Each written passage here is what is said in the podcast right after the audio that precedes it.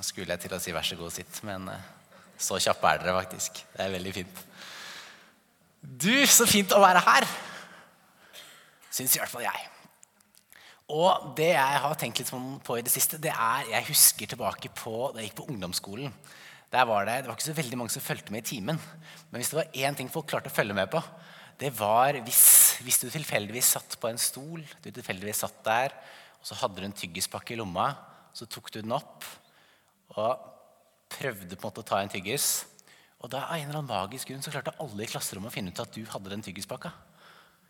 Selv om de ikke fulgte med i timen. Liksom. De klarte ikke å følge med på det læreren sa, men det klarte de å følge med på. Og så hadde du ofte bare den ene tyggispakka for deg sjøl. Bare ti tyggiser. Så du ville på en måte prøve å skjule det best mulig. Så man på en måte lærte seg noen sånne teknikker for hvordan er det du kan åpne og ta en tyggis uten at folk merker det. Og så blir problemet når du først begynner å tygge, da, at folk ser at du tygger, og så tenker de har du en tyggis. Og når det spørsmålet kommer, så på en måte forventer alle at du skal svare ja. Av en eller annen grunn. Man kan si nei til alt mulig annet, men hvis du har en tyggis, så er du nødt til å gi den videre. Og så har jeg på en måte tenkt litt sånn at kan det være sånn at vi har litt sånn samme forhold til tro noen ganger? At vi på en måte har den tyggispakka vår, vi på en måte har troa vår, og så tenker vi jeg har egentlig nok med troa mi sjøl. Og så er han måte litt sånn redd for at hvis man deler den, så blir den kanskje litt mindre eller kanskje ikke så verdifull. Eller kanskje du føler du har nok med å komme, komme i kirka sånn en gang eller to i måneden. Kanskje være på smågruppe av og til, kanskje lese litt i Bibelen en sjelden gang. Du på en måte nok med det, liksom, og så skal du dele troa di i tillegg. Og det er litt det jeg har tenkt å snakke litt om i dag. Det å dele tro. For i kirka her så prøver vi å litt sånn av og til å snakke om noen av de det vi kaller hellige handlinger, eller noen av de gode vanene i troa vår som former oss. Og Før jeg begynte å jobbe i kirka her, så jobba jeg i noe som heter Laget. Som er en studentbevegelse som brenner for å gjøre Jesus kjent. Og visjonen der på en måte, det er å gjøre Jesus kjent på alle skoler og studiesteder i Norge, så Jesus ble trodd, elsket og etterfulgt. Og så på en måte, Det er en 100 år gammel organisasjon hvert øyeblikk. Og så er spørsmålet, når, de med, når vi hadde jobba med det i 100 år da, Jeg hadde ikke vært med på hele prosessen, men, eh, men, men på noe av det i noen år. Så tenkte vi Men åssen er det egentlig med unge studenter? Da deler de faktisk tro med andre? Så det vi gjorde var at vi rett og slett gjorde et studie. Vi gjorde en spørreundersøkelse for 1100 studenter for å finne ut hvordan forholder egentlig kristne studenter seg til det å dele tro. Og det her er på en måte ikke bare vanlige folk som sier de er kristne. Det er folk som bruker mellom fire og seks timer i kirka hver uke. sånn i snitt, Eller på kristne aktiviteter. Eh, og Du kan få opp det på, på skjerm nå, Bjørnar. Og så var det på en måte noen funn en fant. Det er ikke sikkert du ser det akkurat her. Men på den ene siden så mente faktisk 94% at tro det er ikke en privatsak. Det er på en måte noe som faktisk er ment til å kunne deles. Det er personlig, men det er ikke privat. Samtidig med det her så mente 90% at de aller fleste kristne de lever med troa inn i skapet. Så det er veldig sånn stor sånn der, på den ene siden, men på den andre siden. Og to av tre snakker ikke regelmessig med ikke-kristne om troa si. Og 73% tar ikke opp samtaler om tro med mindre de får et veldig direkte spørsmål. Og det er ikke alltid da heller. Det er klart, det her er kristne studenter. Dere er jo vært i kirke i mange år sikkert. Mange er eldre enn et par 23 år, som var snittet her. Så dere, vi er sikkert mye bedre enn en de her, er vi ikke det? Jo, vi sier det. For Det er faktisk gjort litt sånn studier andre steder og at folk faktisk er i samfunnet vårt i dag, så er de faktisk litt mer åpne for å snakke om sexlivet sitt enn troa si og livssynet sitt. Og det er litt rart, syns du ikke det? For vi er kanskje enige om at tro ikke skal være en sånn privatsak, men i praksis så er det vel kanskje egentlig det, er det ikke det? Og så sier Paulus da i Romerbrevet 1, der sier han det, jeg skammer meg ikke over evangeliet, fordi det er Guds kraft til frelse for hver den som tror. Hvis jeg er helt ærlig med oss selv, er det egentlig sant i livet vårt at vi ikke skammer oss over evangeliet? Og så viste det seg det at Hovedgrunnen til at folk ikke delte tro Det var mange grunner. Og, men hovedgrunnen folk pekte på, det var at de hadde ikke språk. De på en måte visste ikke hva de skulle si. De er i kirka fire, fem, seks timer hver uke, men åssen skal jeg egentlig snakke om tro med folk som ikke tror? Og så er jeg litt sånn redd da, når jeg skal på en måte snakke om det her, at nå skal, her, nå skal jeg på en måte nevne enda en sånn ting som gir deg litt dårligere samvittighet for at du ikke gjør. Eller akkurat som man snakker om å lese Bibelen, ikke sant? så kjenner man på at oi, jeg har ikke lest Bibelen de siste ja, Nå har jeg en streak på åtte uker for ikke å ha lest Bibelen. liksom. Og så skal han komme og snakke om det. Men det er ikke det som er poenget mitt. Poenget mitt er på en måte å rett og slett invitere deg til å gjøre noe som er utrolig fint. Og dele noe som er for det å dele en glede blir en større glede, blir det ikke det? Når vi på en måte deler tro, så gjør det noe med troa vår også. Så skal vi lese litt i Bibelen. Johannes kapittel 1 og vers 40. Har du en bibel, så kan du slå opp. Hvis ikke så kommer det også opp på skjermen her. Der står det det. Andreas, Simon Peters bror, var en av de to som hadde hørt det Johannes sa, altså Johannes døperen, som hadde fulgt etter Jesus. Han fant nå først sin bror Simon og sa til ham, 'Vi har funnet Messias.' Messias betyr den salvede. Så førte han Simon til Jesus. Jesus så på ham og sa, 'Du er Simon, sønn av Johannes. Du skal hete Kefas.' Det er det samme som Peter. Dagen etter ville Jesus dra til Galilea. Da fant han Philip og sa til ham, 'Følg meg.' Philip var fra Betsaida, den byen Peter og Andreas var fra. Philip traff Nathanael og sa til ham, 'Vi har funnet han som Moses har skrevet om i loven, og som også profeten har skrevet om.' Det er Jesus fra Nasaret, Josefs sønn. Ærlig talt, kan det komme noe godt fra Nasaret? sa Nathanael. Philip svarte, 'Kom og se.' Jesus så Nathanael komme gående og sa, 'Se, der er en sann israelitt som er uten svik.' 'Hvor kjenner du meg fra?' spurte Nathanael. Jesus svarte, 'Jeg så deg før Philip ropte på deg.' Da du satt under kikentreet. Da sa Nathanael, 'Rabbi', eller lærer, 'du er Guds sønn, du er Israels konge'. Tror du fordi jeg sa jeg så deg under fikentreet, sa Jesus. Du skal få se større ting enn det her. Så her har Andreas han har oppdaget hvem Jesus er. Han har funnet ut at oi, filleren, her er den frelseren som vi på en måte venta på så lenge. Jeg må, gå opp, jeg må gå og få med alle vennene mine, alle de som er nære. De må få lov til å møte Jesus, de også. De må få greie på hvem Jesus er.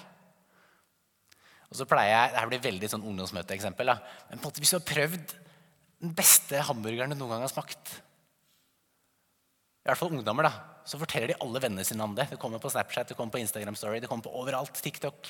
Full pakke. Eller på en måte hvis man har prøvd Man har dratt til Lofoten for første gang. Og så treffer du vennene dine etterpå og så bare forteller om de fjella, forteller om strendene osv. Når man har opplevd noe fantastisk, så ønsker man å dele det videre. Og litt sånn tror jeg det er med Jesus også. Hvis vi oppdager og opplever hvem Jesus er, så blir det naturlig også å dele han videre med andre. Og så står det tydelig i teksten her at han førte Simon til Jesus. Han førte ikke Simon til en organisasjon eller et lokallag eller en event. Han førte han til en person. Han førte han til Jesus. Og det er det egentlig det det handler om. Hvordan er det vi kan peke på Jesus? Hvordan kan vi lede folk til og mot Jesus der vi er? Jeg husker da jeg gikk på bibelskole, og på avslutningsseremonien så var det en av mine medstudenter som holdt en sånn femminutters sånn studentenes tale. Og da sa han en sånn setning som jeg aldri har glemt. Da sa han det. Vet du hva mitt hovedmål i livet sa han? Det er å lede kristne til Jesus. Det glemte jeg aldri. Jeg skjønte akkurat hva han mente. Men så var det samtidig utrolig morsomt. Mitt mål i livet er å lede kristne til Jesus. Hva er poenget hans med det? Så ofte så handler livet vårt om alt mulig annet. Men det handler på en måte om å komme hele tiden tilbake til Jesus. Og Visjonen i evangeliet er jo faktisk det å lede mennesker ett skritt nærmere Jesus. hele veien. Det betyr at uansett om du føler deg langt borte fra Jesus, eller om du føler deg ganske nærme, så kan vi alltid gå ett skritt nærmere Jesus. Og hvordan er det vi kan både lede vennene våre, de som er i kirka vår, i smågruppa vår osv., til Jesus og nærmere Jesus, men også hvordan kan vi lede de som ikke tror så mye ennå, nærmere Jesus.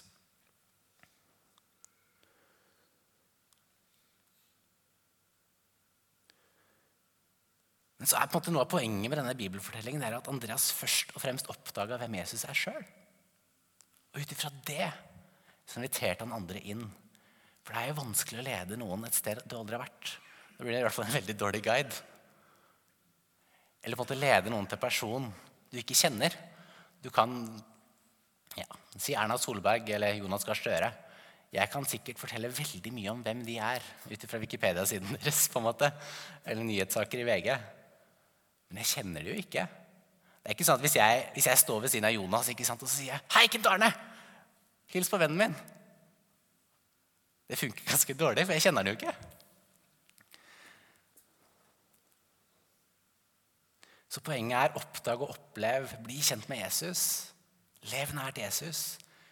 Og så inviter andre inn i det. Jeg tenker f.eks. på den samaritanske kvinnen som Jesus møter ved brønnen i Johannes 4. Hun er og henter vann midt på dagen.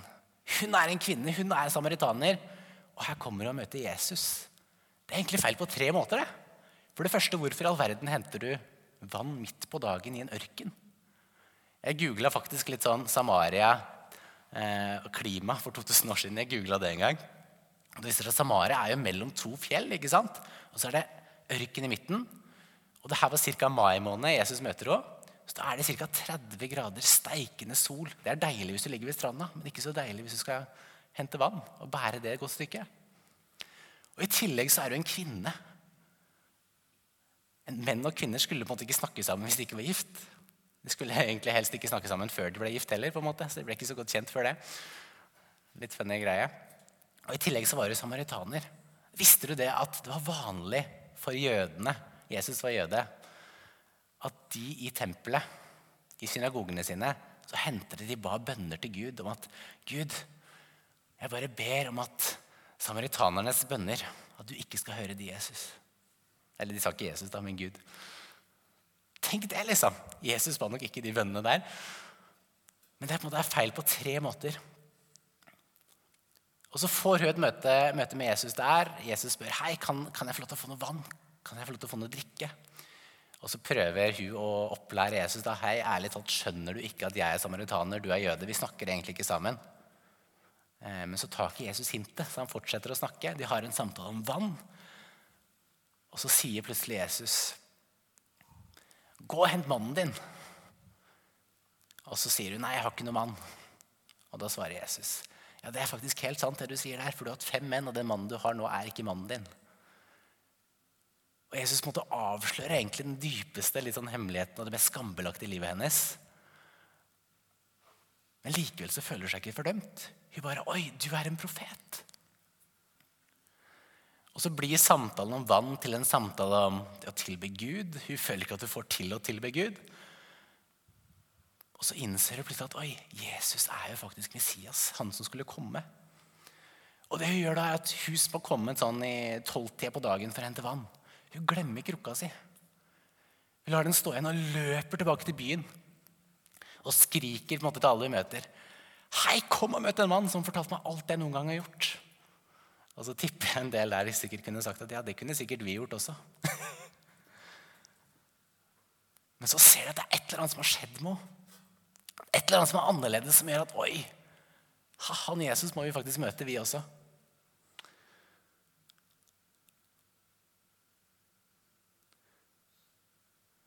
Og så er det enda et sånn ungdomsmøteeksempel. at Hvis jeg kom opp på talerstolen her i dag og sa vet du hva, på vei hit i dag så ble jeg påkjørt av en lastebil, hadde du trodd på det? Nei. Grunnen til det er at fordi jeg ville sett ganske annerledes ut etterpå. På veldig mange måter.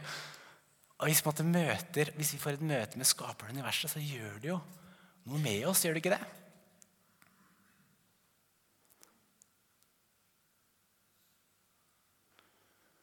Så står det senere, så står det på en måte noen vers senere her. Mange av samaritanerne fra denne byen kom til tro på Jesus pga. kvinnens ord da hun vitnet. Han har fortalt meg alt jeg har gjort. Nå kom de til ham og ba ham bli hos dem. Og Han ble der to dager. Og de sa til kvinnen, nå tror vi ikke lenger bare pga. det du sa. Vi har selv hørt ham, og vi vet at han virkelig er verdens frelser. Så leda de folka her til Jesus. Og som en konsekvens så møter de Jesus. De får en erfaring at oi, jeg har sett at hun har møtt Jesus, men vi møter Jesus, og vi innser hvem han egentlig er. Nå har vi sett måte, hvordan to eller to-tre personer i Bibelen får møter med Jesus og deler det videre. Og ofte så er det litt sånn når folk er veldig nylig blitt kristne, litt sånn det vi kaller nyfrelst, eller ganske sånn nye i troa, så har de en tendens til å snakke om Jesus hele tiden. Ta med folk i kirka. Snakke om hvordan Jesus har forandra livet deres, hvis det var sant, osv. Men så, så, er det en sånn rar tendens at når man har vært kristen en stund, så blir man så utrolig vis, er vel det vi kaller det. Og utrolig god på å ikke snakke om tro på en eller annen rar måte. Vi har kanskje vært på veldig mye gudstjenester, vi har lært veldig mye om Jesus, men så blir troa vår litt sånn Hva skal vi si personlig? Litt mer sånn Troa mi og Jesus, det, det er en personlig greie for meg. Så er ikke poenget mitt nå i formiddag at nå skal vi prøve å hive inn Jesus i sånn annenhver setning vi forteller. Litt sånn hvis du går en tur med noen i skogen, og så sier du nei, Eller så sier den andre personen da, nei, skal vi ta veien, skal vi prøve den veien i dag. Visste du forresten at Jesus er veien? Eller hvis personen sier da åh, ser du der på en måte det fine fugleredet og de duene eller whatever. Er du redd til å møte Jesus? Måtte ikke kjøre inn det overalt. liksom. Det blir veldig intenst, gjør det ikke det? Det tror jeg er mye mer effektivt er å rett og slett være nysgjerrig på mennesker, være interessert i mennesker. For jeg, aldri, jeg tror ikke jeg har møtt et menneske, kanskje et par bare, som ikke er villig til å snakke om seg selv i timevis hvis du bare er tilstrekkelig interessert nok. Det er helt sant. Og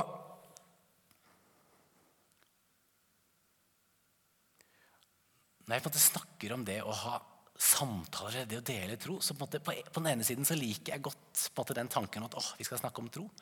Men på den andre siden så liker jeg det ikke helt. Fordi Samtaler om tro føler jeg mer er samtaler om livet, egentlig. Jeg syns Egil Svartdal han sier det ganske bra. Av og til så er det sånn at troa vår får en veldig betydning for livet vårt. Og andre ganger så er det livet som får en veldig stor betydning for troa vår. Så det henger egentlig veldig sammen.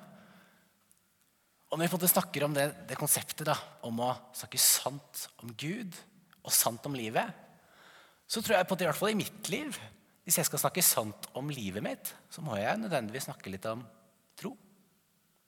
Hvis jeg skal snakke sant om Gud, så må jeg også snakke litt sant om livet mitt også. For det henger jo egentlig veldig tett sammen. Så målet mitt når jeg møter mennesker som ikke tror så mye, det er ikke å få samtaler om tro, det er å få samtaler om livet og koble med folk. Og så blir tro en naturlig del av det. Det tror jeg folk i hvert fall er mye mer interessert i enn folk som eh, er en sånn der brusautomat som du alltid får ut eh, ja, får ut en sånn ferdigtygd greie.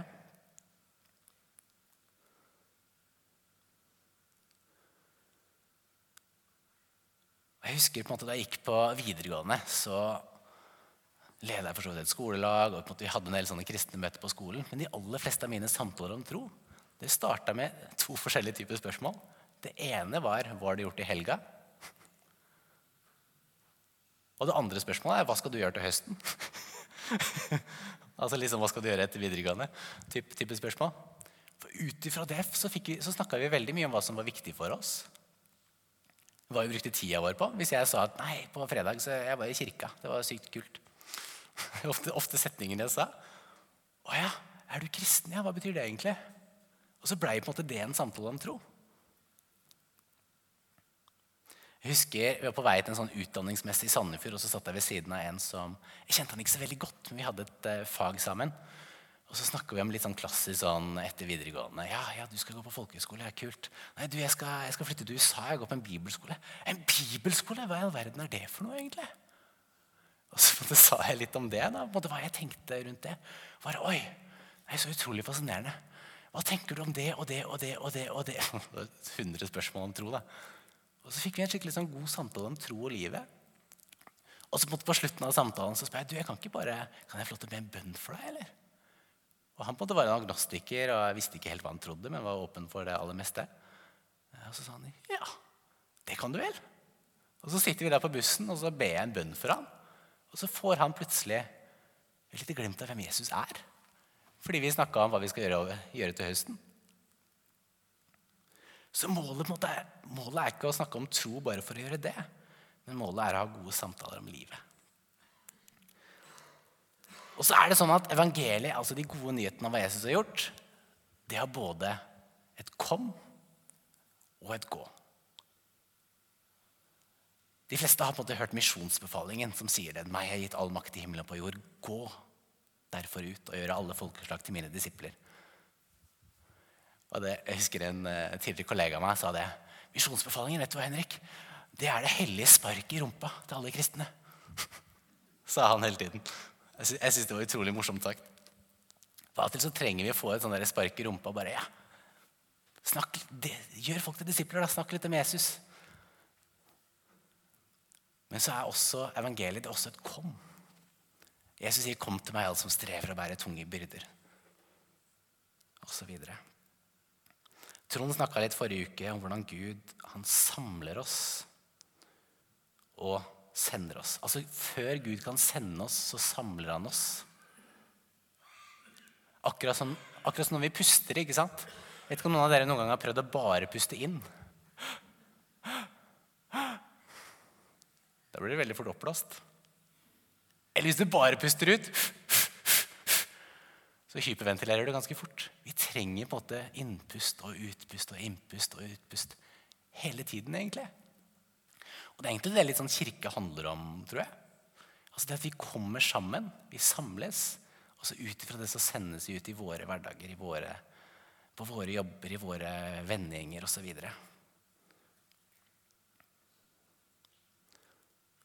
Vi trenger den rytmen av å komme og gå.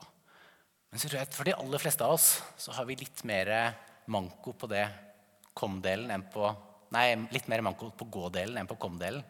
Vi er ofte, vi er ofte gode på å komme. Komme i kirka. I hvert fall dere som er her i dag, er i hvert fall veldig gode på det. Men så tror jeg på en måte også vi kan utfordres på det å gå.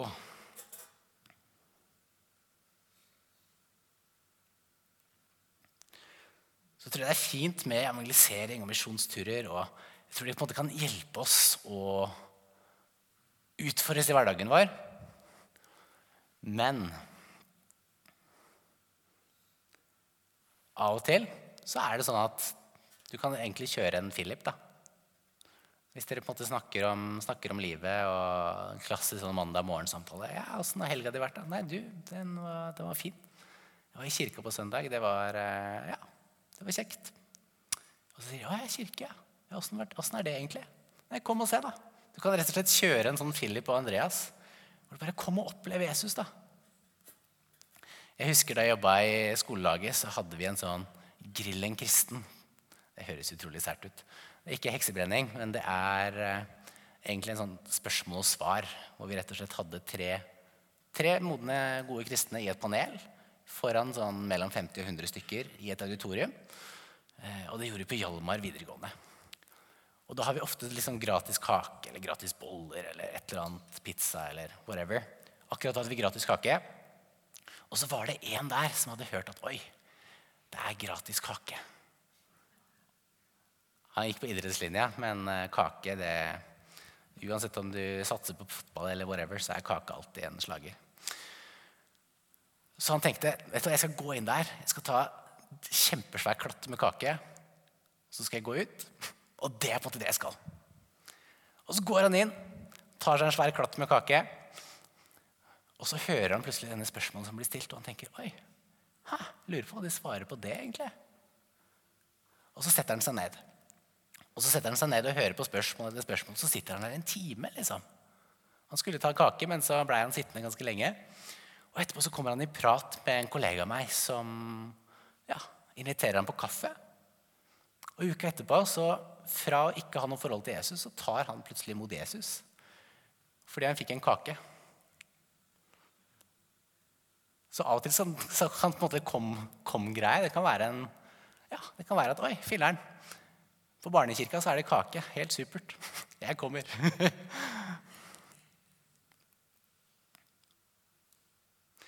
Folk har ofte ikke sagt nei til Jesus. De bare vet ikke helt hvordan han ser ut ennå, sier eh, pastor Nimi-kirka i Stavanger. Og Jeg syns det er veldig bra sagt. Og så var det en rumensk pastor som under kommunisttida i Romania Der var det sånn at de aller fleste pastorer og prester ble egentlig tvunget til å fornekte troa si. Hvis de ikke fornekta troa si, så fikk de ikke lov å fortsette å jobbe som pastorer og prester. Kjemperart. Men han nekta å fornekte troa si. Altså det som skjer er at Han, han blir fengsla i flere perioder, men den første perioden så ble han fengsla i åtte år. Og Da var han i det fengselet så var han helt alene som kristen. Han hadde ikke noe bibel, det fikk han i hvert fall ikke lov å ha med. Han hadde bare troa si. Og Så kommer han i samtale med noen medfanger. Og så spør de ja, den guden din Jesus, åssen er han egentlig? Og så svarer den pastoren han ligner egentlig litt på meg. Og så sier de medfangene da da har vi lyst til å bli kjent med han. Jeg vet ikke om eh, mine venner hadde sagt det samme hvis jeg sa at Jesus han ligner litt på meg. Oi, da har jeg lyst til å bli kjent med han. Det er ikke sikkert at vennene dine hadde sagt det samme om deg heller. Men Frans Assisi han sa det. Forkynn evangeliet, og om nødvendig med ord. Altså Poenget hans var at hvis vi lever et liv som ligner på Jesus, så er den mest effektive måten vi kan dele og reklamere for Jesus, det er ved de livet vi faktisk lever. Og så tror jeg samtidig at evangeliet det må forkynnes.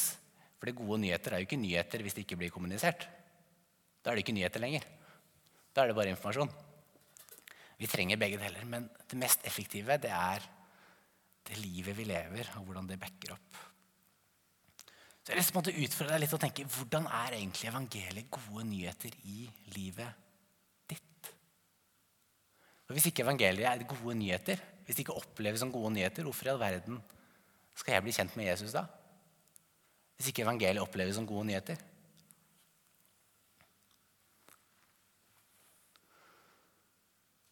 Og det som er litt så morsomt, Jeg har flere ganger gjort litt sånn øvelser med folk, særlig med ungdommer, da, i forhold til det.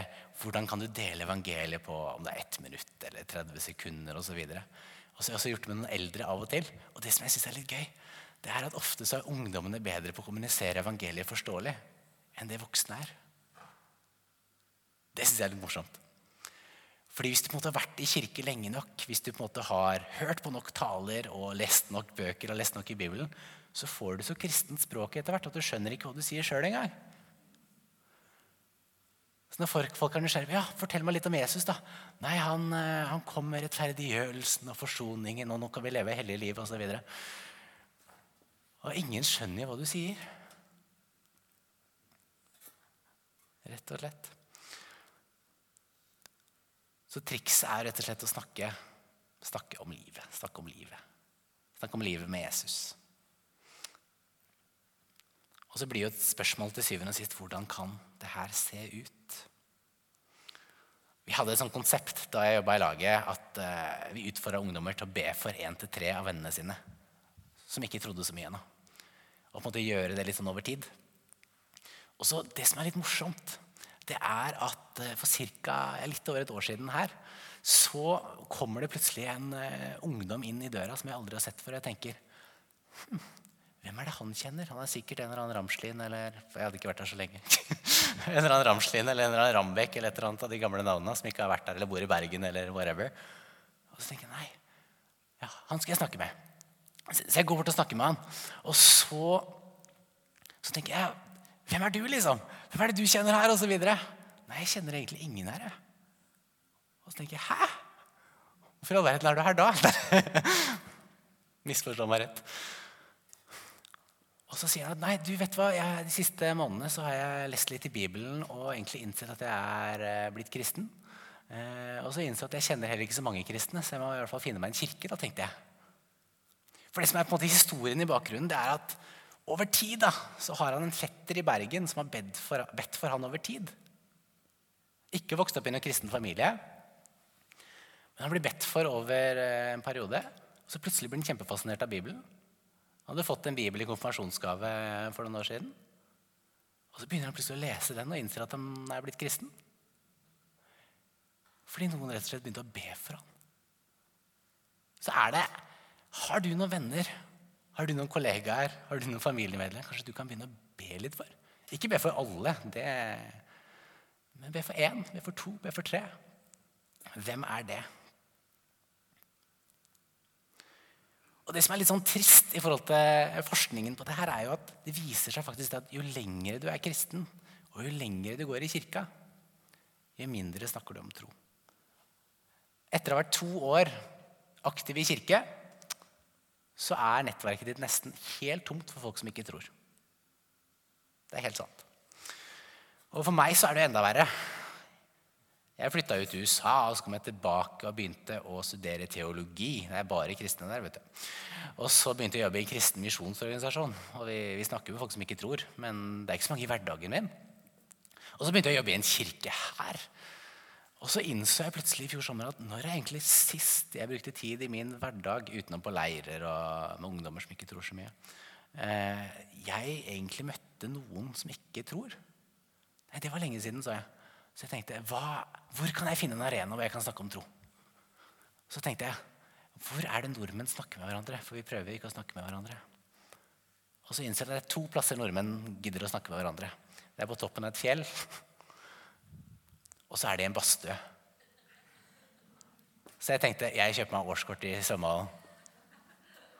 Eh, så det gjorde jeg i fjor sommer og har fått utrolig mye hyggelige samtaler om livet og tro og alt mulig. Eh, så rett og slett det å finne en arena hvor du faktisk møter folk i din hverdag De aller fleste av dere har jo jobber som gjør at dere møter folk i deres hverdag hele veien. Men det har ikke jeg. Så jeg måtte være litt mer bevisst på det.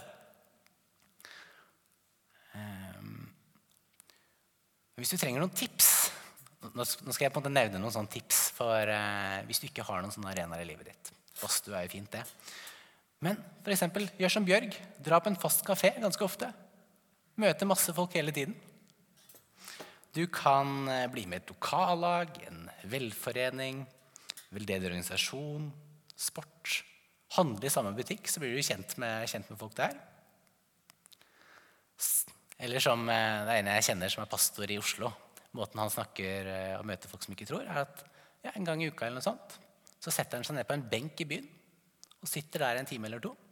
Og så snakker han med de som setter seg ved siden av. Det kan være en måte å gjøre det på. Eller du kan eh, Det er noen andre jeg kjenner som gjør det. De, de, bor i Oslo, så er det veldig kollektivt uansett hvor du skal. Så på T-banen så har hun med den tjukkeste studiebibelen hennes. Svær, sånn tjukk, slitt bibel som du sitter med på, på T-banen og leser den veldig bevisst og åpenlyst. Det er ikke sikkert eh, det er for alle, men eh, hun har fått veldig mange samtaler om tro ut ifra det. Eller kanskje det er sånn at du har en kristen eller to til på jobben. Tenk om du kunne komme 10 eller 15 minutter før da, og be en bønn for, eh, for jobben din og for kollegaene dine. Jeg kan ikke, kan ikke lovsangstimen komme opp. Det jeg har lyst til å utfordre dere til, og oss til Jeg må utfordre meg selv også på det her. Det er Kan ikke vi rett og slett ta 30 sekunder nå og be til Jesus og tenke hvordan kan det å dele tro se ut i livet mitt? Hvordan kan vi på en måte være noen som har eh, tyggispakker som, som er åpne for folk til å ta imot? Så kan ikke alle bare lukke øynene i noen sekunder nå. Og så at du skal spørre Jesus Jesus, hvem er de personene jeg kan be for? Hvilke arenaer er det jeg har i mitt liv? hvor jeg kan få lov til å gi Jesus videre. Og så tar vi noen sekunder på det nå.